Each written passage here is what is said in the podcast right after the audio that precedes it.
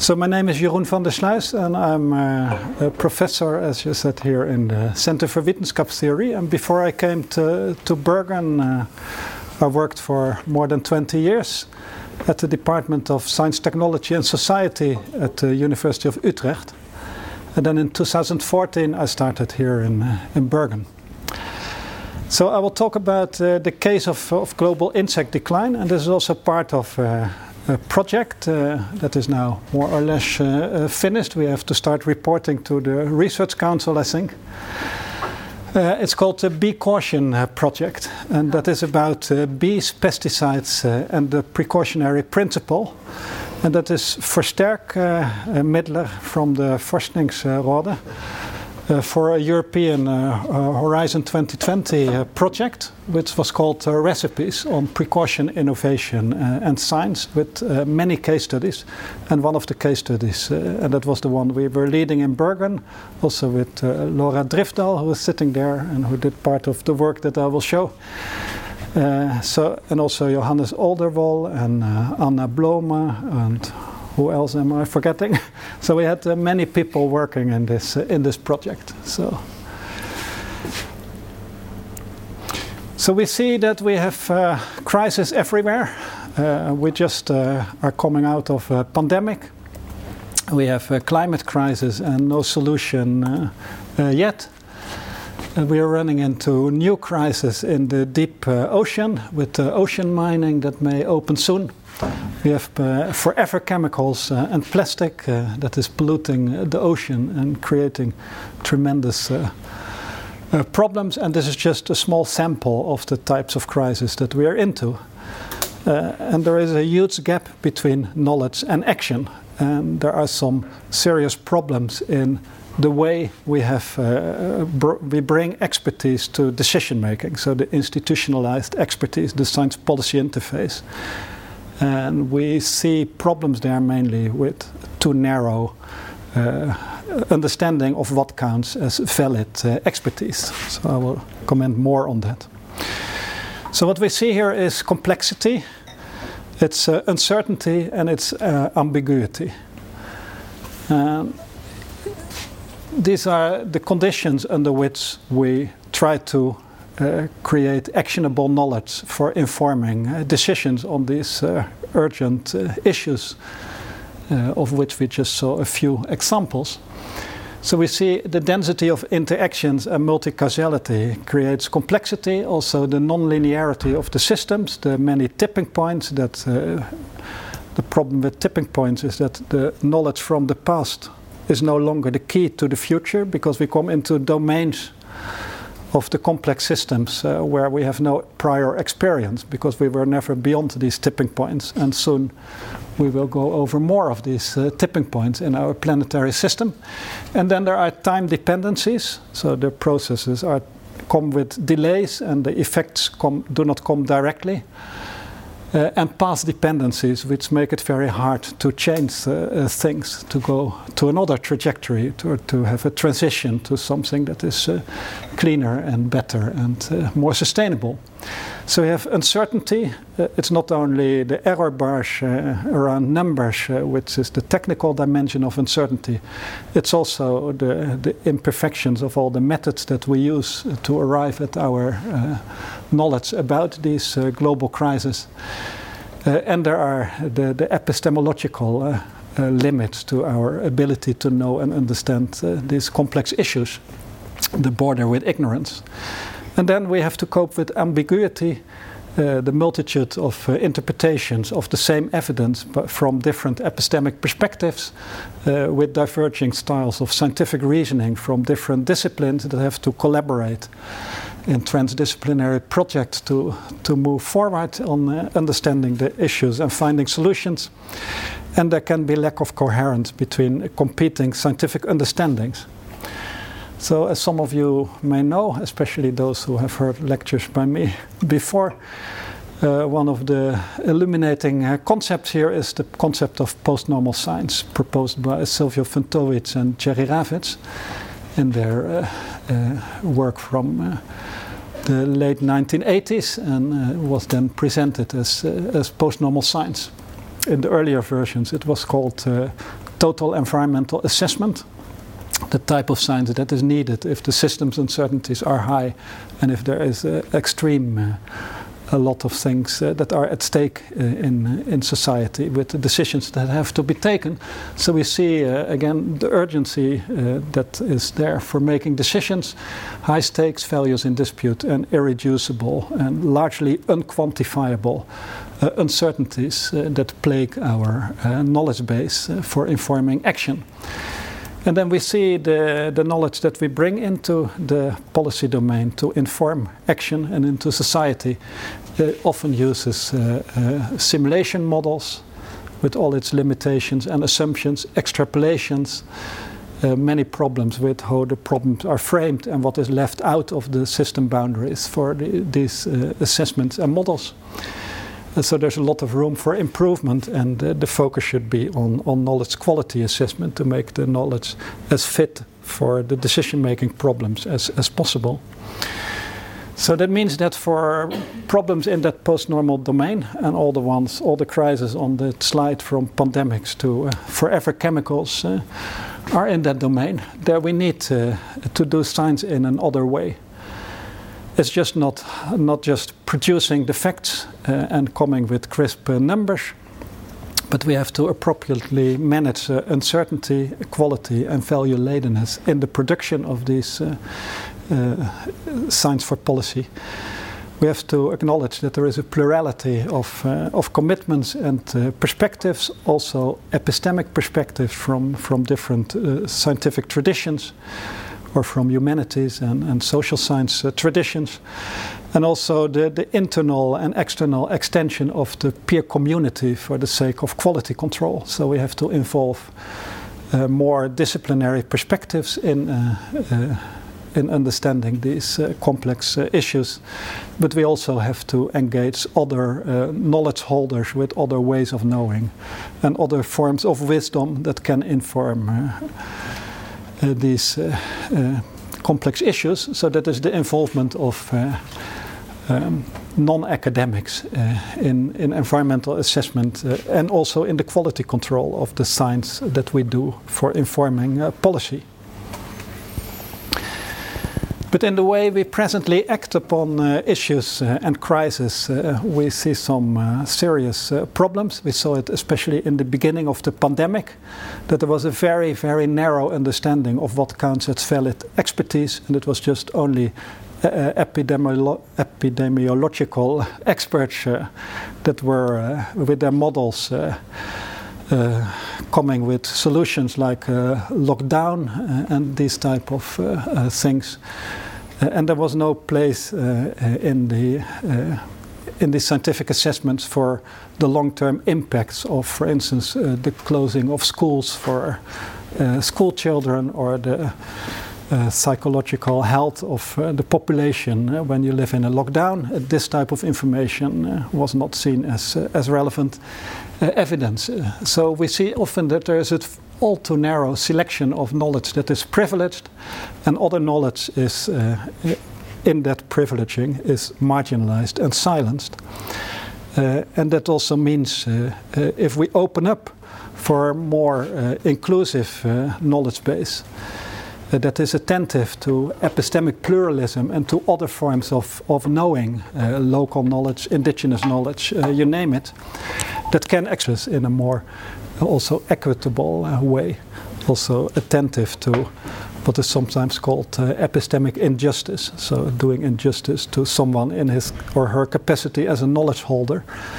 Uh, and marginalizing that, uh, that knowledge instead of including it uh, for better decisions.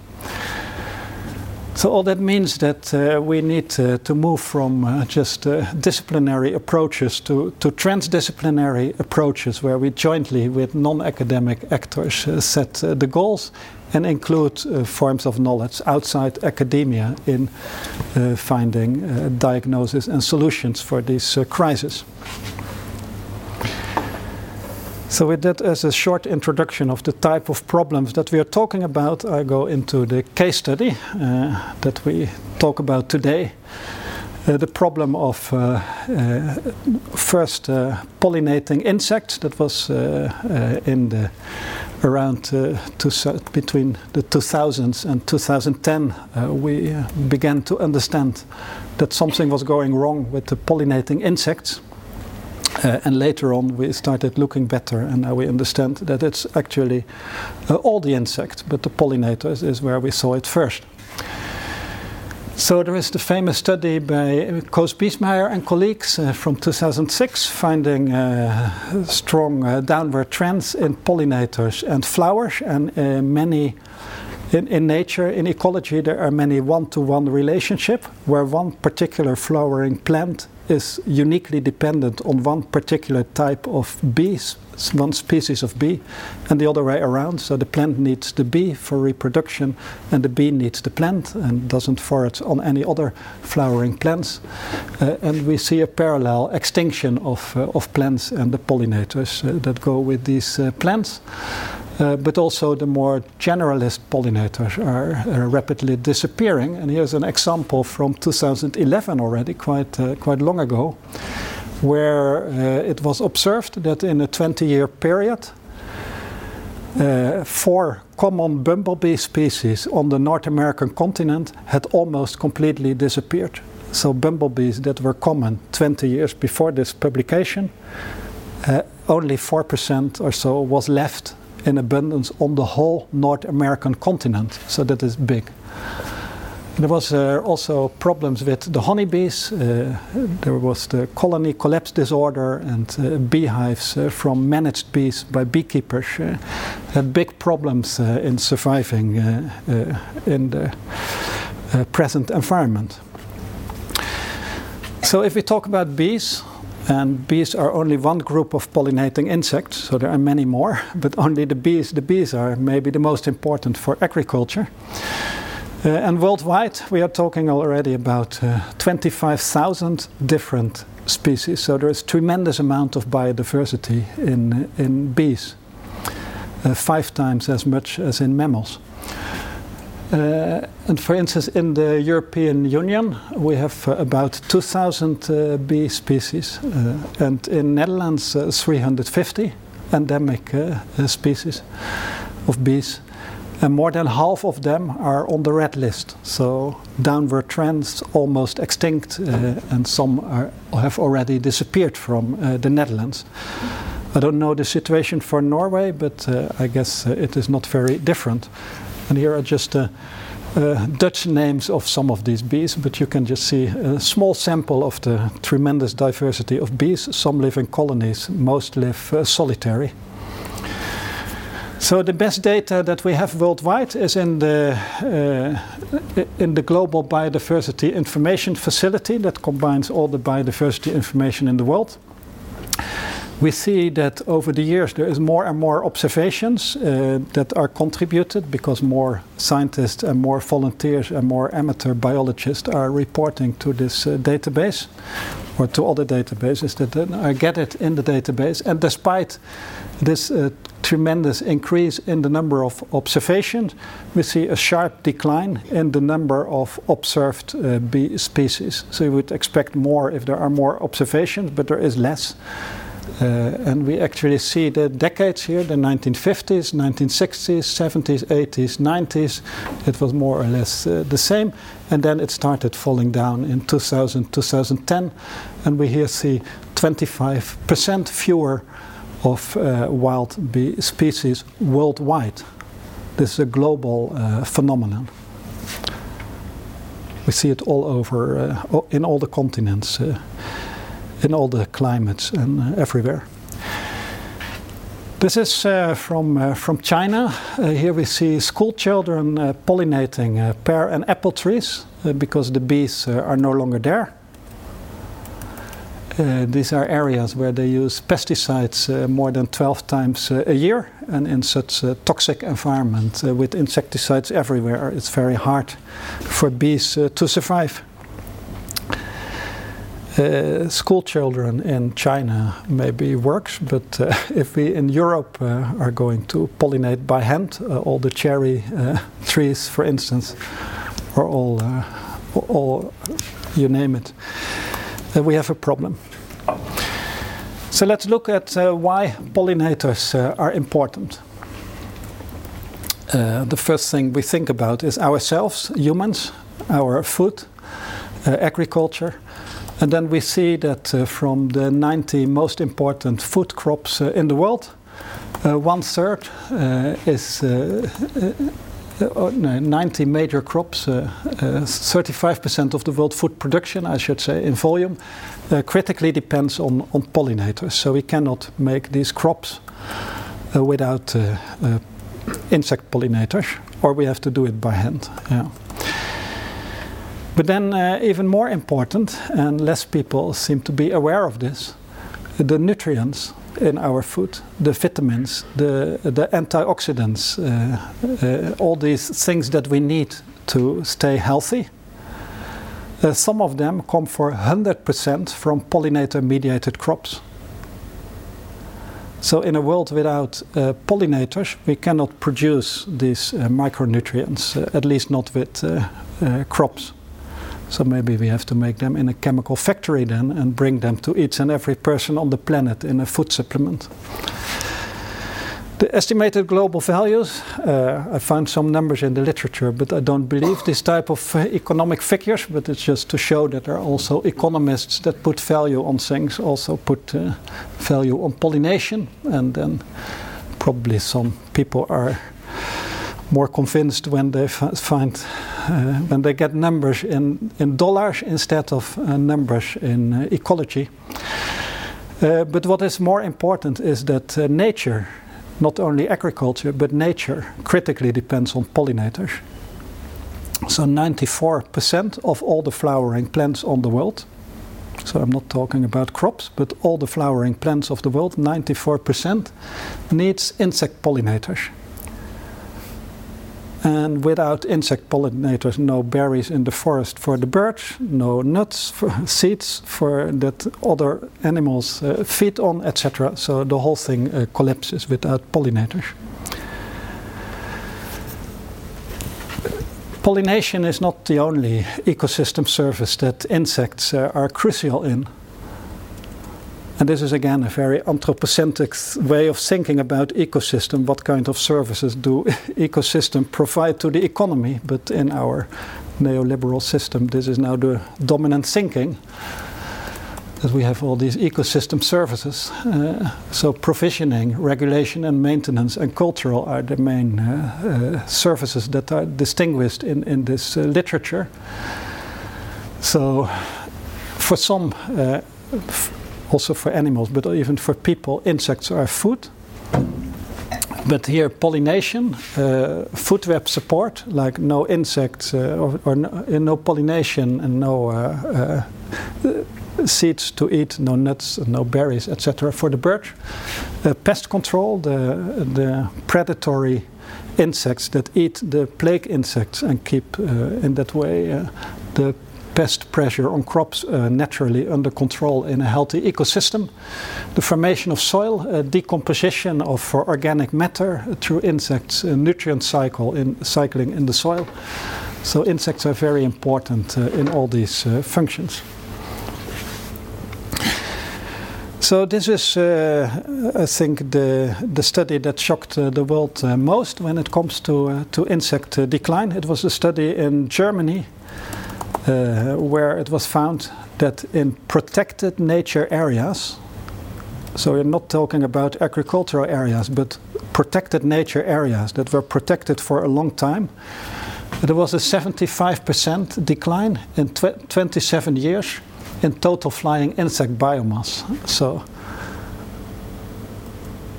the news that it even was in protected nature areas that was uh, new.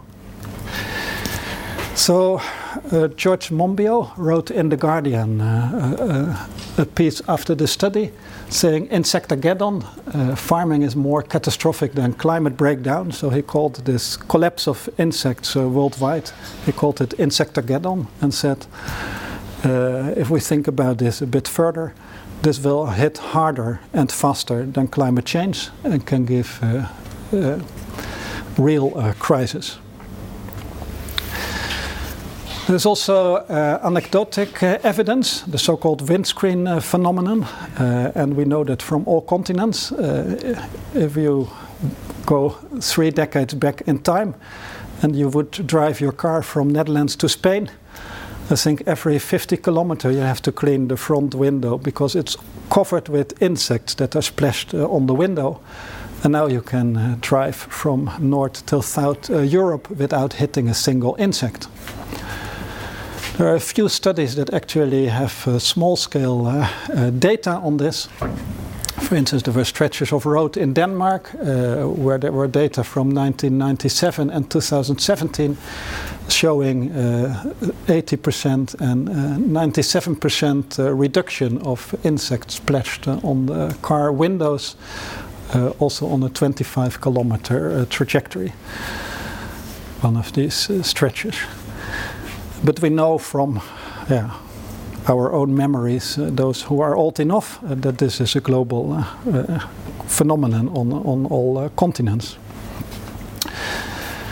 So, when it comes to insects, uh, we are struggling with the uncertainties. We have the known knowns, but that is very scarce. Insects have poorly been researched. It has not been on the agenda for long there is no funding for uh, research on insect collapse. Uh, it's not on the priorities. Uh, there's now one call from Horizon uh, on the, the impacts of uh, wild bee loss on the economy uh, and, the, and on society, but it's still very much in the beginning. So we have a lot of known unknowns, and we probably have even more of the unknown unknowns. So we have here a case of uh, governing uh, pollinators or governing uh, insects under conditions of extreme uh, unknowns. So some uh, of the uh, entomologists involved in the research have said insects are disappearing now even before we started collecting the data about how many there were and what all these insects were. Uh, we know from estimates that uh, we have uh, about five and a half million different insect species, and they make up three quarters of all animal and plant species on the planet. So it's a big fraction of our biodiversity. Uh, but these tiny things that uh, control our ecosystems, uh, we don't know who they are because maybe we have just named only 10% of them that have a scientific name now. And then we, with giving it a name, you don't know yet what function it has, and most of them have not even been given a name. And we are long from understanding their crucial uh, functions in the, in the ecosystem. So there is no scientific monitoring of insect abundance, not in the past, not in the present, it's also not planned for the near future, despite, despite uh, big uh, calls from concerned scientists to start uh, looking into that. So we have no baseline. So we are losing insects. They're going down. We have no baseline. I know you have the same problem with the ocean uh, mining, where we are destroying the deep sea ecosystem uh, without a baseline about uh, what biodiversity there is. Uh, while the expected biodiversity in the deep sea uh, is uh, similar to the tropical rainforests, if I'm right. But that's more your field, right? So maybe you should give the next talk, Easter. So we have uh, also this uh, windscreen phenomenon, and we see that uh, that causes are poorly known, manifold, and highly contested. And just to illustrate that,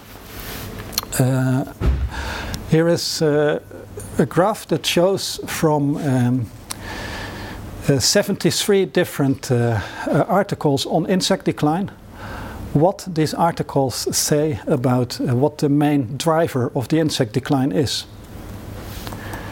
So if you see 23.9% uh, intensive agriculture, it means that 23.9% of these articles claims that uh, uh, intensive agriculture is the main driver.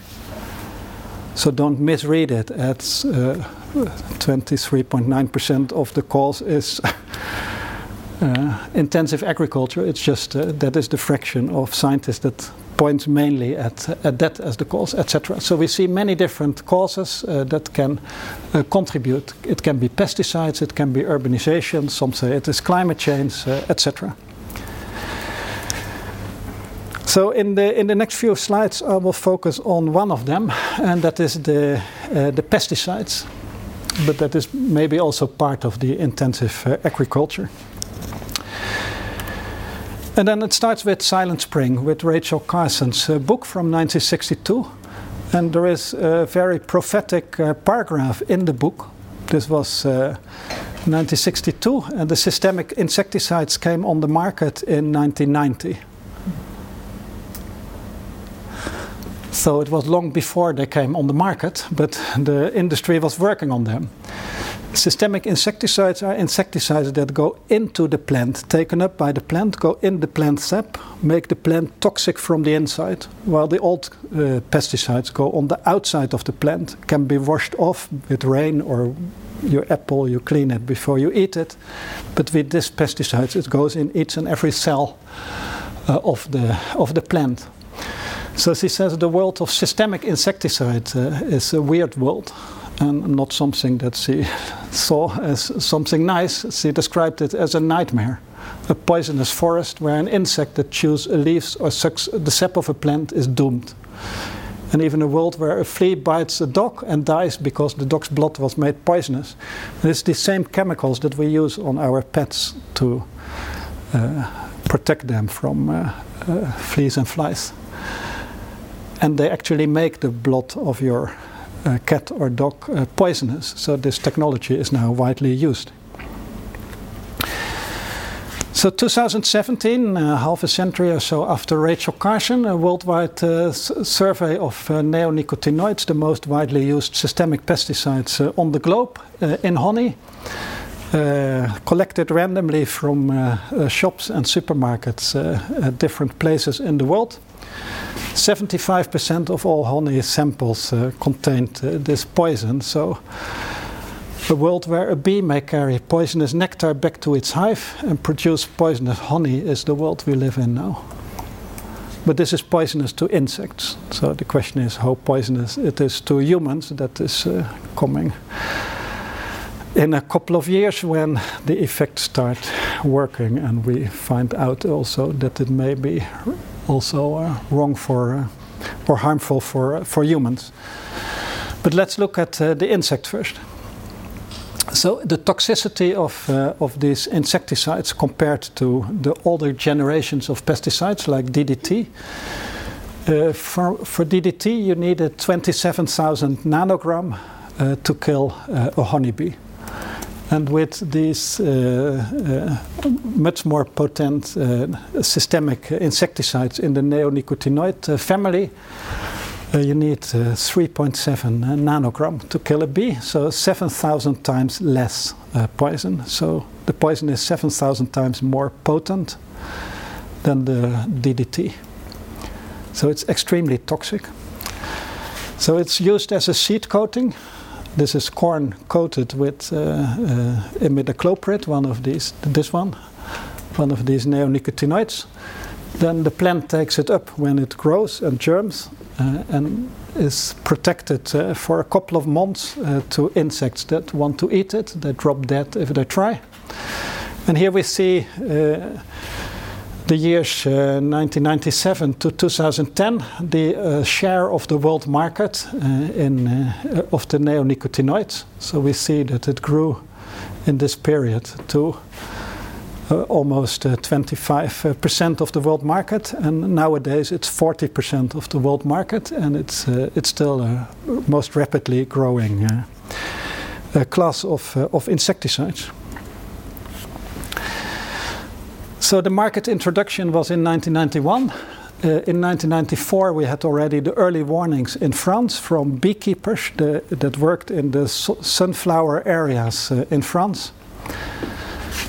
Uh, Laura Maxim wrote a PhD thesis on that uh, back in 2009, right? Was it? Uh,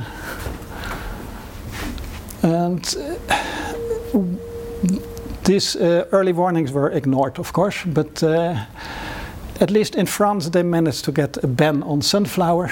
Then in 2002, the European Food Safety Authority was, uh, was established. Then there was a report in France uh, uh, showing that if you use these chemicals, the predicted environmental concentration is much higher than the no effect concentration that we predict on the basis of all the information that we have from experiments in laboratory on how bees respond to these chemicals. So they said it's a no go, you cannot use this safely in the field. But the EFSA came with another test protocol, and if you follow this pro test protocol, it was allowed on the market and considered safe. Uh, the industry had a big role in developing that protocol as their experts were serving on the, the committees. Uh, uh, so there is a lot of lack of independence in how the test protocols are developed. So there was a delay until 2013 before the EU started to act on uh, on the warning signals and banned three uh, neonicotinoids uh, on crops att attractive to bees. That was not enough to stop the problems. So with more evidence uh, piling up, there came a complete ban on outdoor use in the EU in 2018. And in 2019, the fourth uh, neonicotinoid uh, was banned.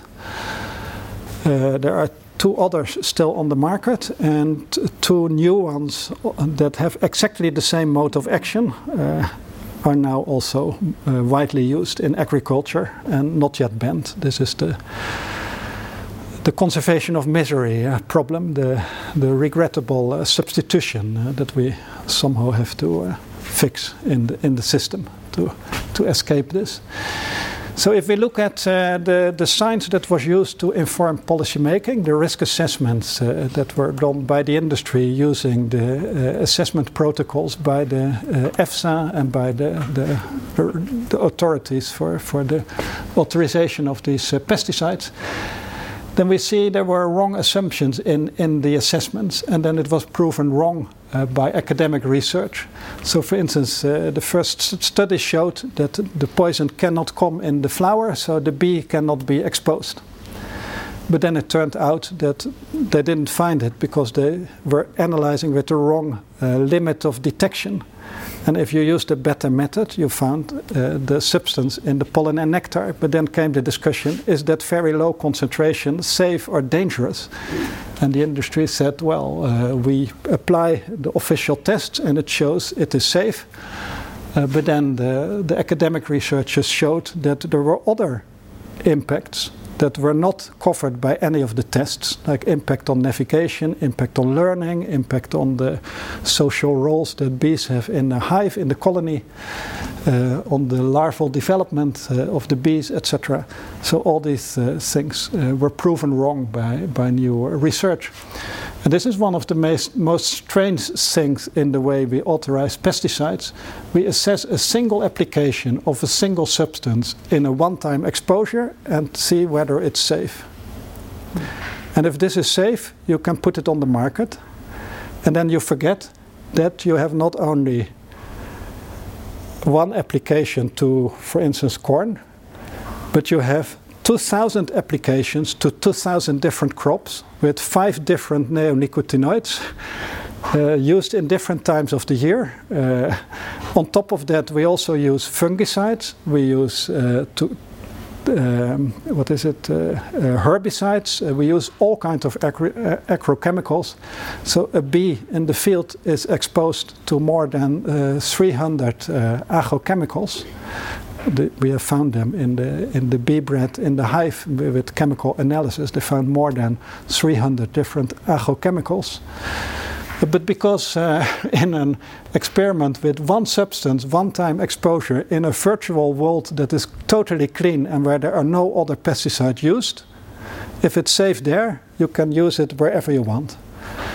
And the, and the other point, it's a yes no decision. So you allow an activity that brings a pollutant in, uh, in the ecosystem without an emission ceiling. There's no limit on how much you can use. There is a limit on how much per hectare you can use. But there is no limit how much you can bring in the environment in a given year. So that is really crazy that we have pollutants without an emission ceiling. And with pesticides, every use is emission because you use it in the field and then it's there. You see, it's not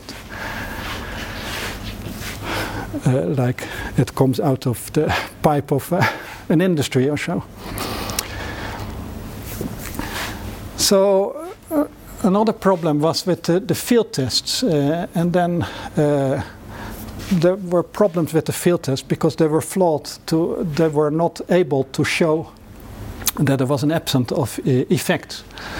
So first of all, uh, if you look at uh, the effect size and the number of hives you need to prove the absence of, uh, of an effect size of that size, uh, then, for instance, you already need 74 beehives to detect an effect of 35% with uh, a significance level of 5%. Uh, so, from the statistics, you see how many hives you need. And the studies that the industry used had maybe five hives or so, and that was it. So there was no statistical power to prove an absent, uh, absence of effects uh, from these uh, studies. And then bees forests in a three kilometer area around the hive. And it's really almost impossible to reproduce uh, an experiment because if you put the beehive in another place, the landscape in the three kilometer uh, radius is different. So the exposure to all other agrochemicals, pollutants, etc., is different, but also the diet is different. So two experiments on two different places have so many things that you cannot control uh, that uh, it's not so a good idea to say that if the lab test shows that at these concentrations there are problems, you can overrule it with a field test that shows that there is no effect. And then there was not even a, a requirement for the statistical power.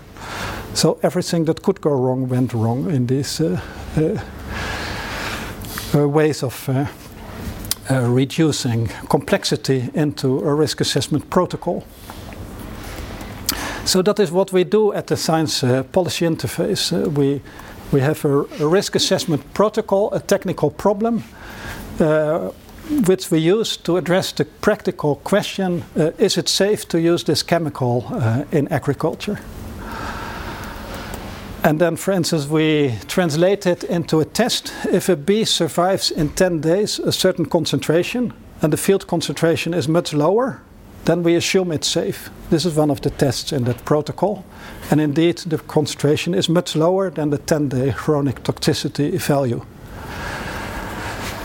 Uh, so then we say, yes, we did the test, it's safe, so there is, uh, the problem is solved and we can use it uh, safely. But then the beekeepers say, uh, uh, this is irrelevant because we see other problems with the bees.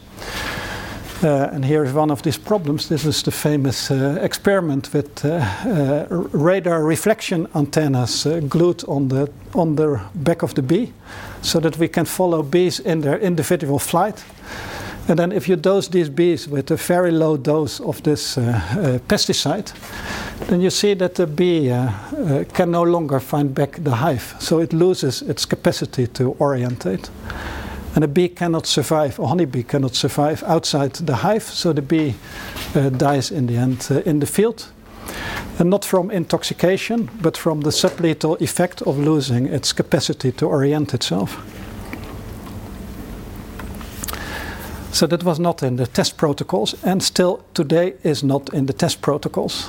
That's another story. That's the problem with the bee guidance that EFSA uh, decided, uh, EFSA came with a new test protocol that was much better in 2013. Normally, it's just uh, you take the hammer in the meeting and say this is uh, decided, but here it went differently because if that would be implemented, many pesticides would have to be taken from the market. So the standing committee on pesticides from the European uh, member states that have to uh, then uh, accept this uh, this bee guidance. There was resistance behind closed door from Netherlands, from Germany, from all the pesticide producers and the pesticide users, with the flower bulbs in the Netherlands, for instance. And still today it is not implemented, so it is now delayed for more than 10 years. And that's a scandal. But we have uh, another talk on that online in the Toxic Practices uh, Symposium that we had uh, last year. You can find it uh, on the Be Caution website. So then let's see uh, uh, what, is, what is happening with the pesticide use. And we often see this line. We see that the number of the amount of pesticide that is used over time goes down. So then the policymakers think, okay, we are doing well, we use less pesticides. That's what you also have heard, I guess. Of course, we use less pesticides in Norway, right? But if you remember the uh, table, the new pesticides are much more toxic. And that is not accounted for here. If you remember the picture with the seed coating, new pesticides are not used curative when there is a plague. They are used prophylactic on each and every seed, just in case there might come a plague. So that means it is used everywhere. That's the blue line. It's the area treated that goes up. So it's used on much more field. And then if you correct for the toxicity, and here we see the amount of toxic, uh, of lethal doses for a honeybee uh, on uh, farmland in the UK. So if you do the calculation and express it in toxicity to honeybees of farmland, then this is the trend. And then you see that the trend in toxicity of farmland to insects, with the honeybee as an indicator, is completely driven by uh, the emergence of the neonicotinoids on the market, these uh, systemic pesticides. And this is also more or less the period that the insects were starting to collapse, right, in the global uh, biodiversity facility data and in the uh, windshield data, etc. So there's more and more evidence that there is uh, a role here for these, uh, these pesticides.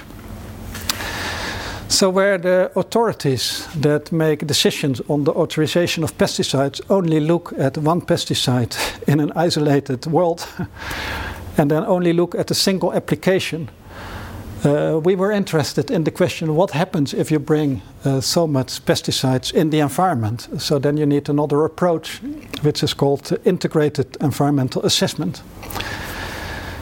So I've been the, the scientific coordinator of this uh, first uh, worldwide integrated assessment of uh, systemic pesticides on biodiversity and uh, ecosystem functions.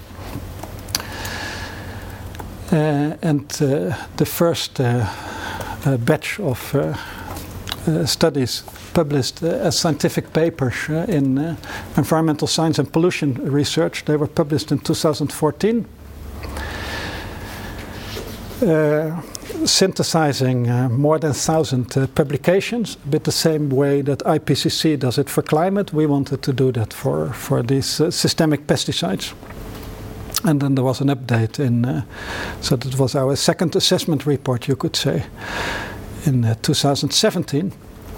And then we did not only look at uh, the impacts on, uh, on bees, uh, but on the whole ecosystem, so all the groups of uh, microbes, insect pollinators, terrestrial invertebrates, aquatic invertebrates, all the way to, to mammals. And what you see here is uh, the, the effect and the, the strength of evidence that we have about the effect, and whether it is uh, uh, proven on individual, population, or community level in the, in the, the level in the ecosystem. So we see that uh, the evidence for pollinators is strong, and also on, that the impacts are already on community level, but also for uh, the aquatic insects, so all the insect life in surface water. And remember that most of the flying insects start their life in water as larvae, like the dragonflies and uh, what is it, the ooiestikker or mm, uh, damselflies and yeah, and all kinds of other uh, insects, even uh, mosquitoes. So we see there is uh, a lot of uh, problems. Uh, here are some figures from the Netherlands with violations of the water quality standards with these chemicals from the neonicotinoid class. And we see very heavy pollution of the surface water from starting in the year 2004 2005 and then continuing for a long time. Uh, so we uh, pulled together all these measurements from all the years in one big data set and then uh, analyzed uh, uh, these, this data and we found that uh, about half of all the places where the water boards routinely had sampled and analyzed the chemical pollution in the water in half of these samples on more than 800 locations across the Netherlands these chemicals exceeded the, the maximum tolerable uh, level for protecting uh, uh, aquatic insects. And uh, luckily, there was also monitoring of macrofauna in the water. So we had also data on how much insect there were for the same years and also from the years before the introduction. And we could uh, infer that there was a 70% reduction in insect abundance in the water uh, in all this water where the standard was violated. And we also saw that it was in all times of the year. It was not a one-time exposure such as the, the regulator assumes, but the whole year round there is exposure. Then uh, another group uh, built it on our data, but then looked at, uh, compared it to uh, in insectivorous birds and their breeding success. Uh, and they showed that in the same places where we found the uh, tremendous decline in insects, they found a tremendous decline in uh, the breeding success of insectivorous birds that needs insects uh, to feed uh, their, their young. So we have a ban in Europe, but the ban uh, has loopholes uh, and the ban is only in Europe. So let's look at the loopholes. The neonicotinoids continue to pollute uh, the, the, environment also in Europe uh, because of emergency authorizations that some member states uh, have allowed. Uh, then it's only regulated for plant protection purposes, but the same substances are used as biocides. So we see even an increase in the use as biocides. Killing flies in cattle breeding, stables, trucks, etc. Uh, also the use in veterinary medicine, uh, like in uh, what you use on your cat and dog to kill fleas and, and flies.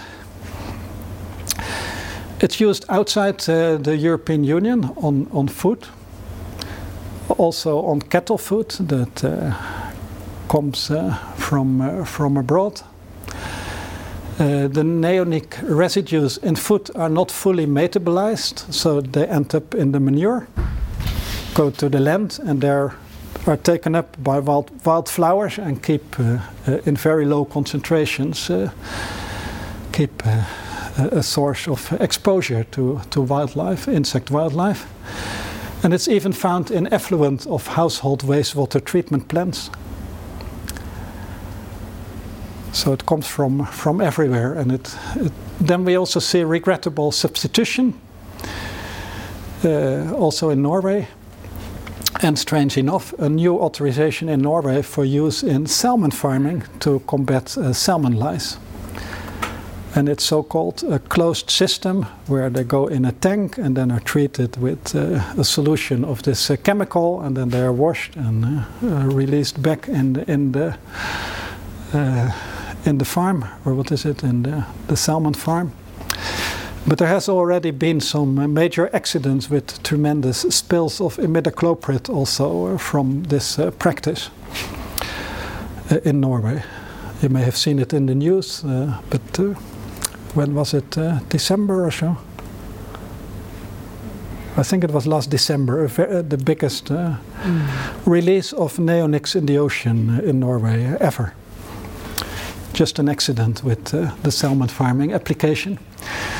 So we have another major problem here. That is the what you may have heard in other lectures by me on the lectures on the conservation of misery in, in technology with the famous uh, refrigerator as example where ammonia as cooling agent was replaced by uh, propane but that was explosive so it had to be replaced by CFCs the CFCs destroyed the ozone layer so the next generation of refrigerators used PFCs the PFCs were banned under the climate treaty after the Kyoto protocol so the PFCs were replaced by yet another uh, cooling agent with a lower global warming potential. So that is the conservation of misery. We solve one problem and create a new with a solution. We see it also with uh, the pesticides. DDT was banned, uh, then it was replaced by DRINs. DRINs were banned, it was replaced by organophosphates. They were very bad for health. You get Parkinson nowadays from, uh, from long time back exposure to this. These were replaced by the neonics. The neonics were banned. They were replaced by sulfoximines and uh, butenolides. was long ago I studied chemistry. uh, so it goes on forever. So we have to stop it somehow. So we have challenges here. Challenges with uh, the ban, uh, too little, large scale uh, use and pollution continues too late. Um, much damage has already uh, occurred. Uh, we have to fix the loophole. Uh, we have to have uh, do something about the delay between early warning and, and action. We have to improve the social organization of expertise so that the knowledge that helps to understand the problem uh, gets heard timely the worldwide use of neonics is still growing. Uh, Europe produces, this is the double standard, produces these and exports them.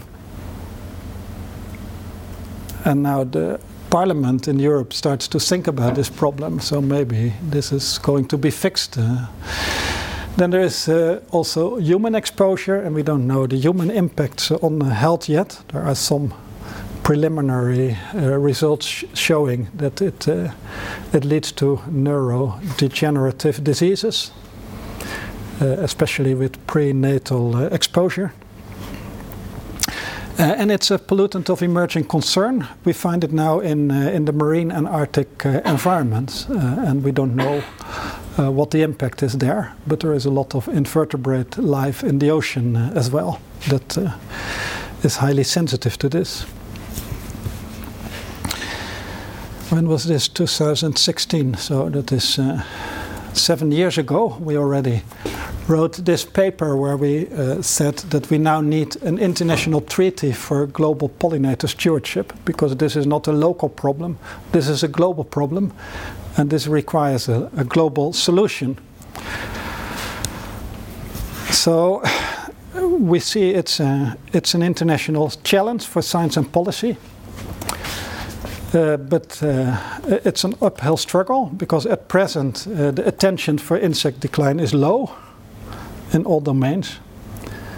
Even in nature conservation, there's only in the UK there is a Buglife fighting for the insects, but there are some organizations that fight for bees, but yeah, insects are not uh, central in, in nature conservation yet.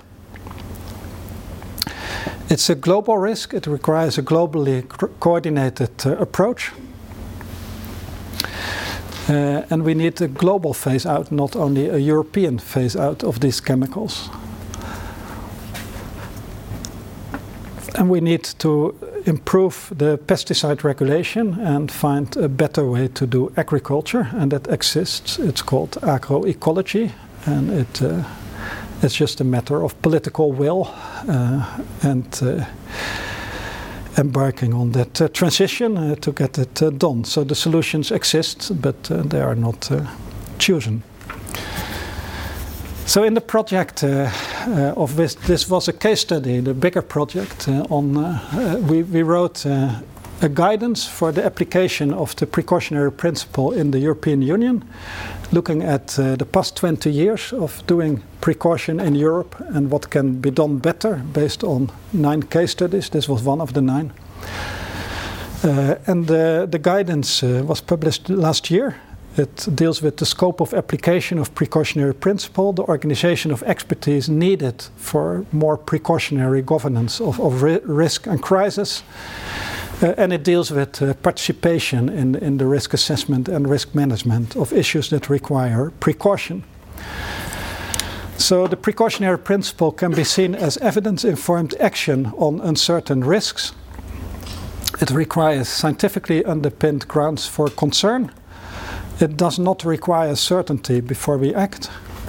It doesn't, neither does it require exhaustive uh, risk assessment. Uh, and in that, it is different from the prevention principle.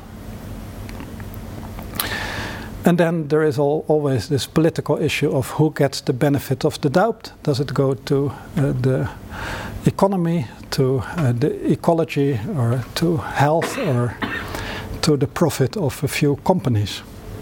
but that uh, choice should be made uh, explicit.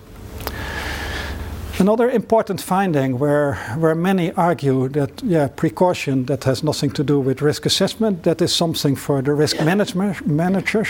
Uh, no, that distinction is not uh, working in practice. Uh, we have to think about precaution also during the research and during the risk assessment.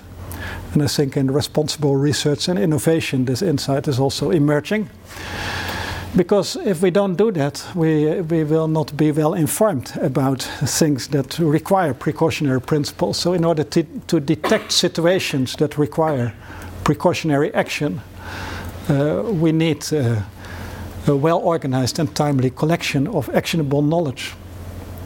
And that helps us to dealing more prudently with uncertain risk. And that includes uh, uh knowledge about the uncertainties. So precaution in risk assessment means more focus on the unknowns and the uncertainties and how that uh, informs uh, uh, what is the wise action from a precautionary perspective. And it also requires pluralization of expert knowledge in scientific assessment and the engagement of a wider range of, of knowledge holders.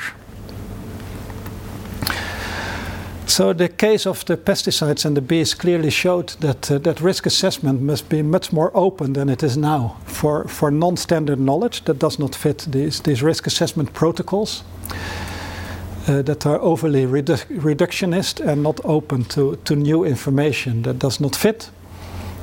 And we have seen that we got only uh, uh action after concerned scientists uh, and beekeepers and other actors uh, joined forces and created uh, enough pressure on, on the political system to act. And actually, the, the assessment that led to the ban by the EFSA uh, was the only time in history that the new bee guidance of the EFSA was used because the Commission uh, required the EFSA to use the latest science as was uh, uh, um, implemented in that, in that bee guidance. But since then, the bee guidance has never been implemented for all the new pesticides that come on the market. So that should have happened in 2013, but it is delayed, and today it still has not happened, uh, 10 years later. So that is horrible because we are still using now the test protocols from the year 2002 that are based on science that is 21 years behind and even more tw maybe 25 years behind uh, because it takes time to get it in the protocol as well. So by the time the protocol is written it's already no longer the frontier of science. So lessons learned from from this case uh, post authorization feedback is missing. Uh, if there is uh, information that things go wrong, it does not lead to a retraction of the, from the market uh, of the pesticides. We saw from 2004 onwards, the water quality standards in Netherlands were exceeded every year without any consequence for the use.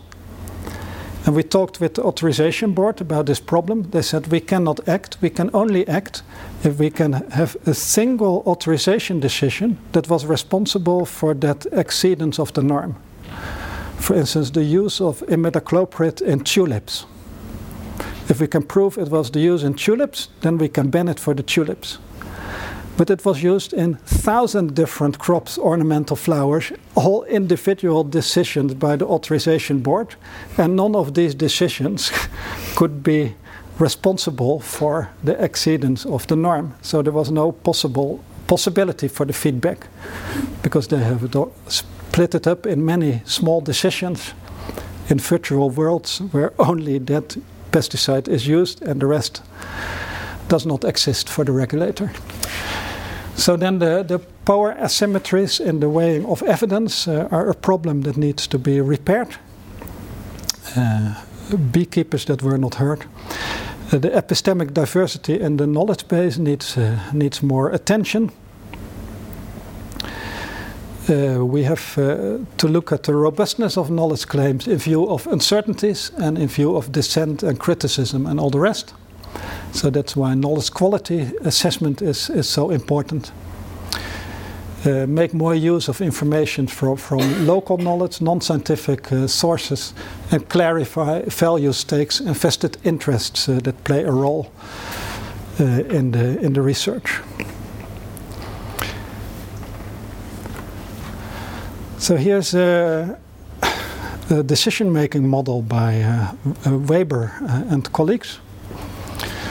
So, in order to successfully uh, uh, respond uh, on, on these urgent issues, decision makers must be aware of the topic. I think very few are aware of the seriousness of, of insect uh, collapse worldwide, understand its causes. Even the scientists are not in agreement on the causes at this point in time, so we know some of the drivers, and I highlighted here the pesticides, but it's a perfect storm of many drivers. We have the habitat loss, we have the nitrogen pollution, we have the climate change, etc. Uh, we have to value its significance. Most people think insects are annoying, creepy animals, and we better get rid of them and spray some insecticides, and then we are safe.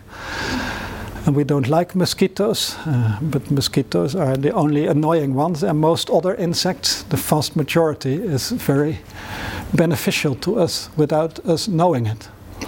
And we, have, uh, we need to have the means to respond uh, eff effectively. But we have to deal with the uninformed, the deniers, the occupied, and then here are the concerned that are trying to get something done. But we need uh, the, what they call the architects, the ones that can can make this transition and instead of going into conflict, work on on the positive uh, solutions. Uh, so I think it's an uphill struggle to come to come here, but uh, we have to start uh, somewhere. So what we need is is actionable knowledge uh, so for precautionary stewardship for all these types of crises, not only for, for the insects and uh, actionable knowledge that can be seen as knowledge that is fit for informing precautionary decision making uh, and precautionary action. It should resonate with uh, the concerns for which this uh, knowledge uh, quest is, is raised. Uh, it should be explicit and transparent about the problem scoping, what is seen as part of the problem, what is seen as relevant aspects of the issue it has to set the problem boundaries wide enough to include the concerns uh, of those affected. And it has to include knowledge on the severity and nature of the potential adverse effects that we are talking about, the uncertainties, the knowledge gaps, the unknowns, uh, and the alternatives. And also the, uh, the, the, uncertainties of the proclaimed benefits of, of the uh, of the various uh, alternatives for the technologies.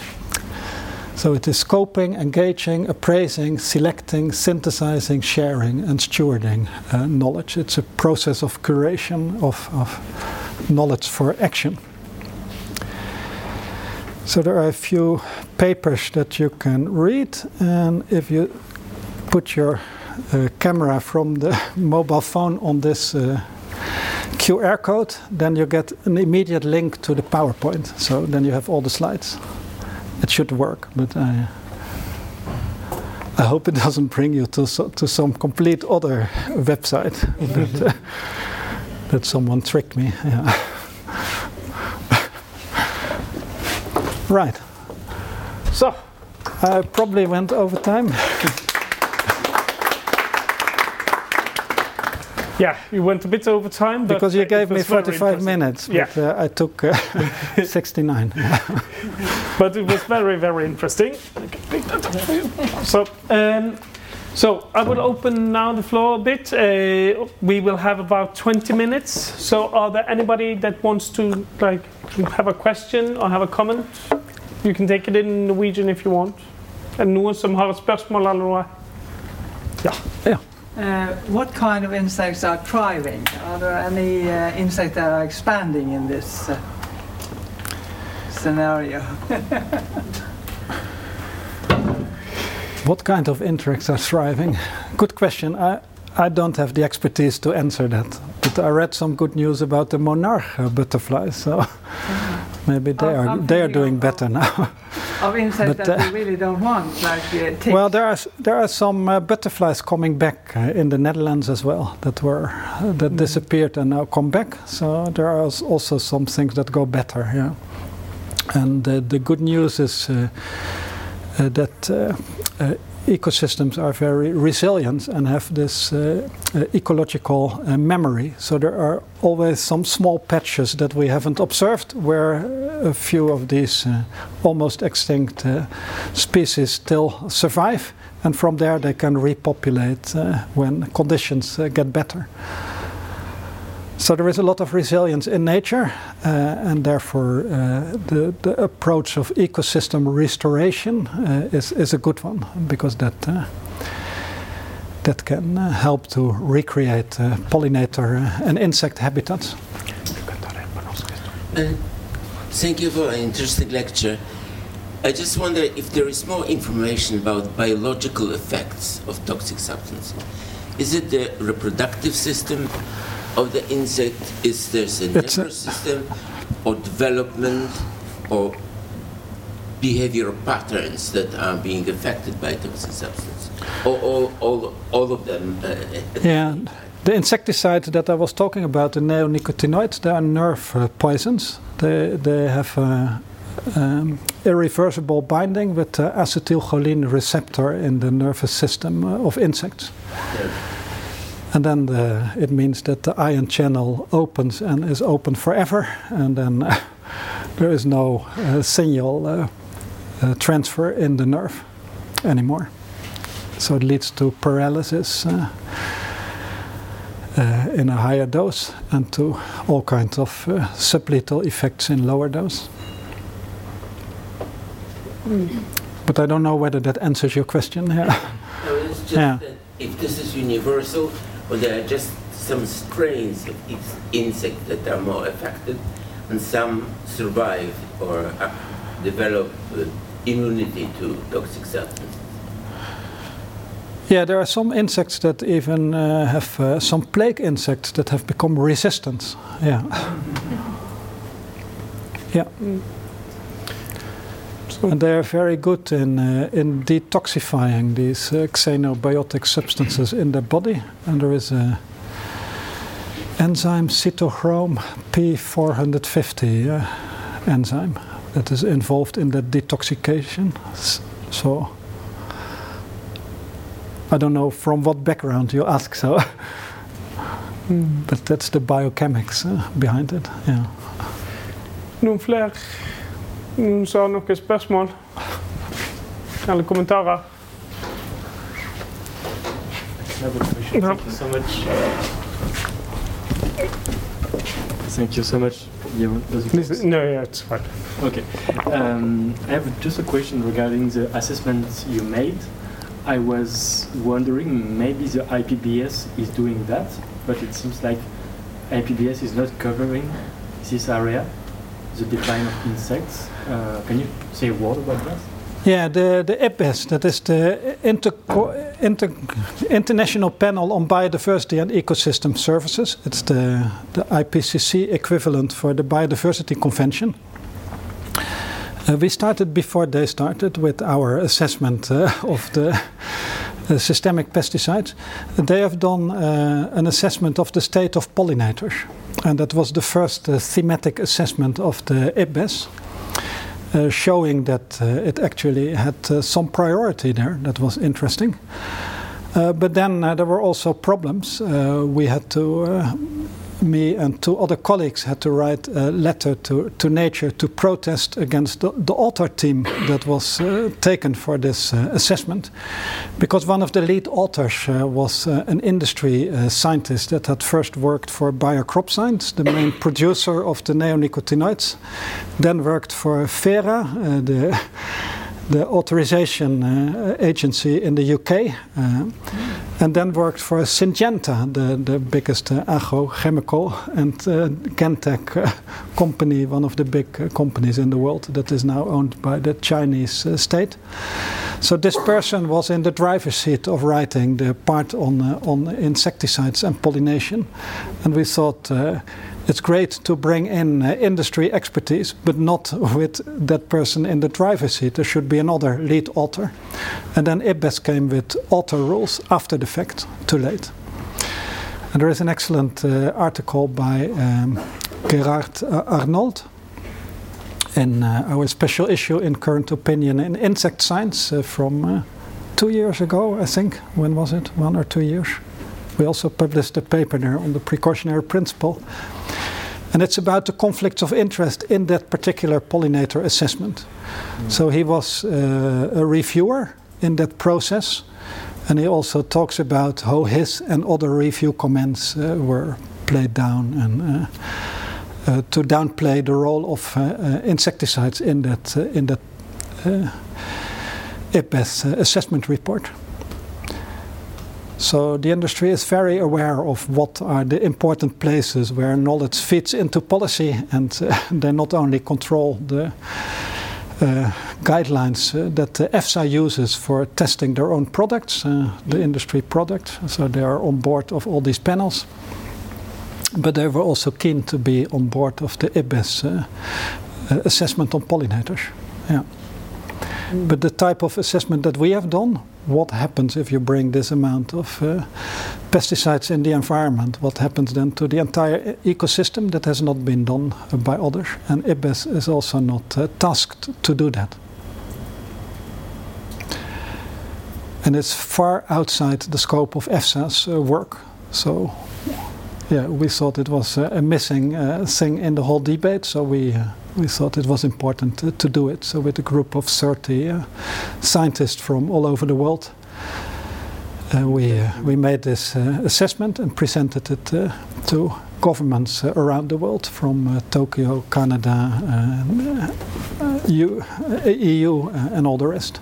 We also presented it to the European Commission and it contributed to the ban in 2018.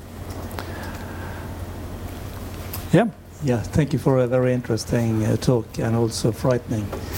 Uh, I, my question is not on uh, the pollinators and your example, yeah. but more on the inability of a society to react when there and to learn. Yeah. ongoing. Do you see anything uh, that we can learn from uh, our experience with the COVID pandemic? Uh, in my mind, it seems to be the one crisis where uh, the whole world reacted suddenly and swiftly. Uh, and it's quite different from yeah. what we have experienced on other crises.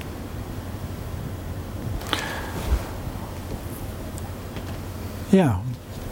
Well, I don't see the COVID as the, the key example of how of organizing expertise. The way we did it was very poor.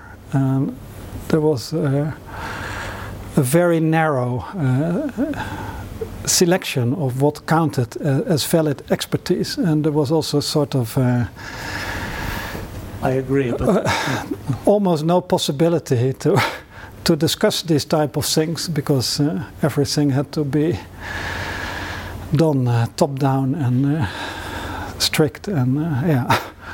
there were some problems there also. Oh. yeah. But would you say? I mean, it, it, but uh, but it was interesting that there was quick uh, action. Yeah. That, yeah. That's my point. Yeah. It, it was action. Yeah. Yeah. Mm. But there was also there's also a lot to learn from.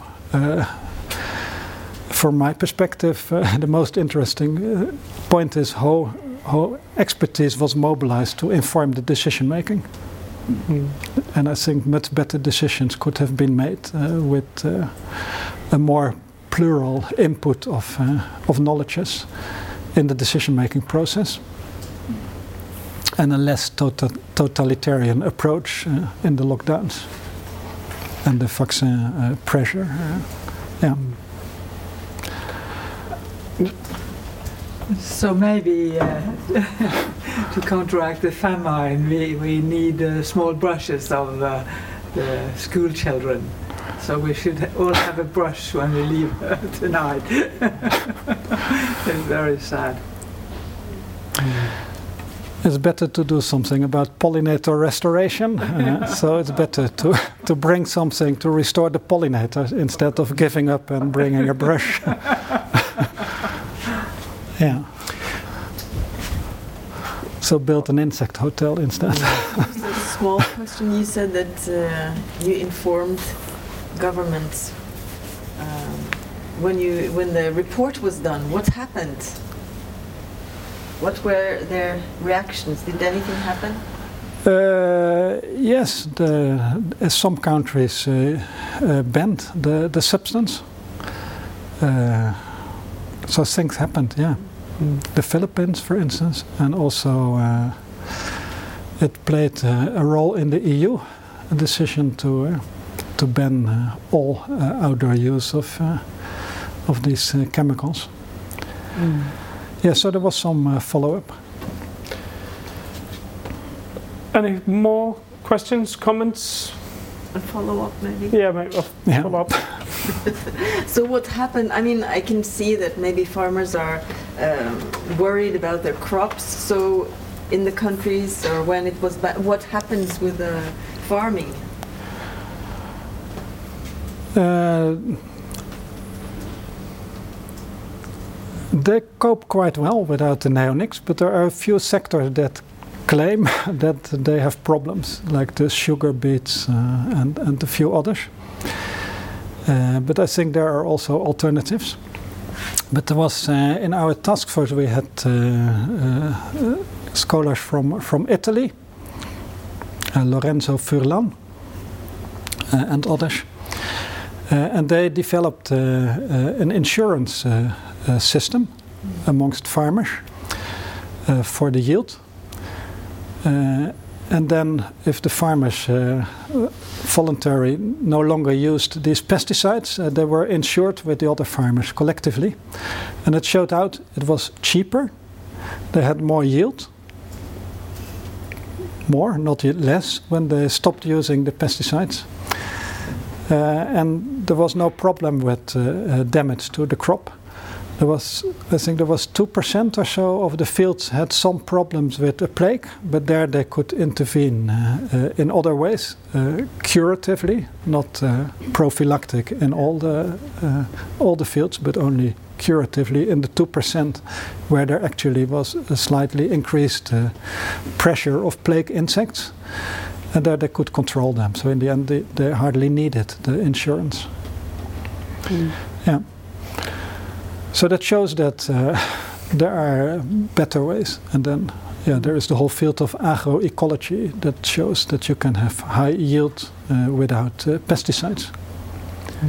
So if you go with nature instead of against, so it's another practice, but it, it requires. Uh, complete change in the agricultural uh, system and in the yeah there are some vested interests that uh, work against that yeah Mm. as you can imagine Any more comments, questions? I, I just have one. Yeah. Um, just to go to, uh, you already like uh, mentioned it before uh, with the mining in the in the deep ocean floors. It's an area like, of course, mining is an ancient business. There's a lot of investments there and invested interests, but in the deep sea mining, it's like still like of course there are people that really wants to go into it, especially in Norway, but it's still not an established industry. Uh, is that sort of like is that helping us in slowing down, like taking good decisions, or do you think that just because like there are so very rich people or rich companies that really want to go into it that they will just override this? I know very little about uh, deep sea mining, as most people uh, know very little about it, I guess, because it's new. And No, it's just I, I wasn't thinking Yeah. of that as as Yeah. per se, but it's just like since people since there are no companies doing it by like right now, uh, and they're like in agriculture. But the tendency is that Norway wants to open up for the possibility, yeah, and then uh, comes with all these narratives that we then, uh, at the same time, can can develop knowledge about the ecosystems uh, Mm. yeah, while destroying them. Yeah. Yeah, yeah, Yeah. Jeroen, uh, I would like to pick up on that one from an economist perspective is that deep sea mining is not as established, but international finance is really a well established area of business. Mm. And they're always looking to new frontiers with high rate of return. And it can be retirement home, deep sea mining, whatever you name it. And so this slowing down from not being well established that we could hope for, because there's still a lot of learning, technological development, actually today with a very much financialized economy does not protect us anymore hmm. because of, of rate of return. And, and that is extremely complicated because we feel safe. We cannot send the machine now. Hmm. But the money is there just to push the machine. Hmm. And, and that is the big question. And I think is the question for the merry-go-round of pestis- pesticides as well. Uh, I'm sorry. no, yeah. Okay, uh, if there are no further questions or comments, then uh, I would want to thank you for coming here, talking to the audience, and uh, uh, yeah, it was really, really interesting. I already uh, come up with uh, a new name for a course that we need to talk about.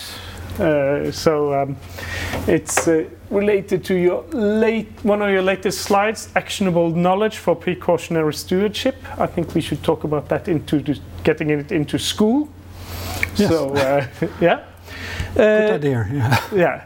But again, thank you for coming. Very interesting talk. Tusen takk til publikum for at dere kom.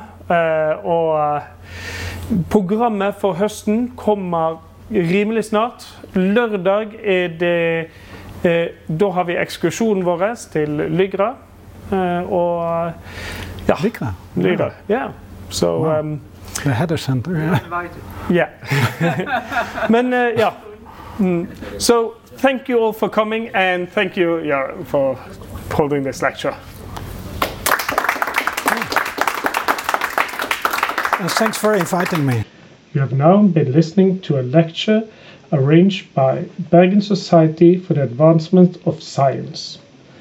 The lecture was held at Café Christie at the University Museum in Bergen, the 10th of May 2023.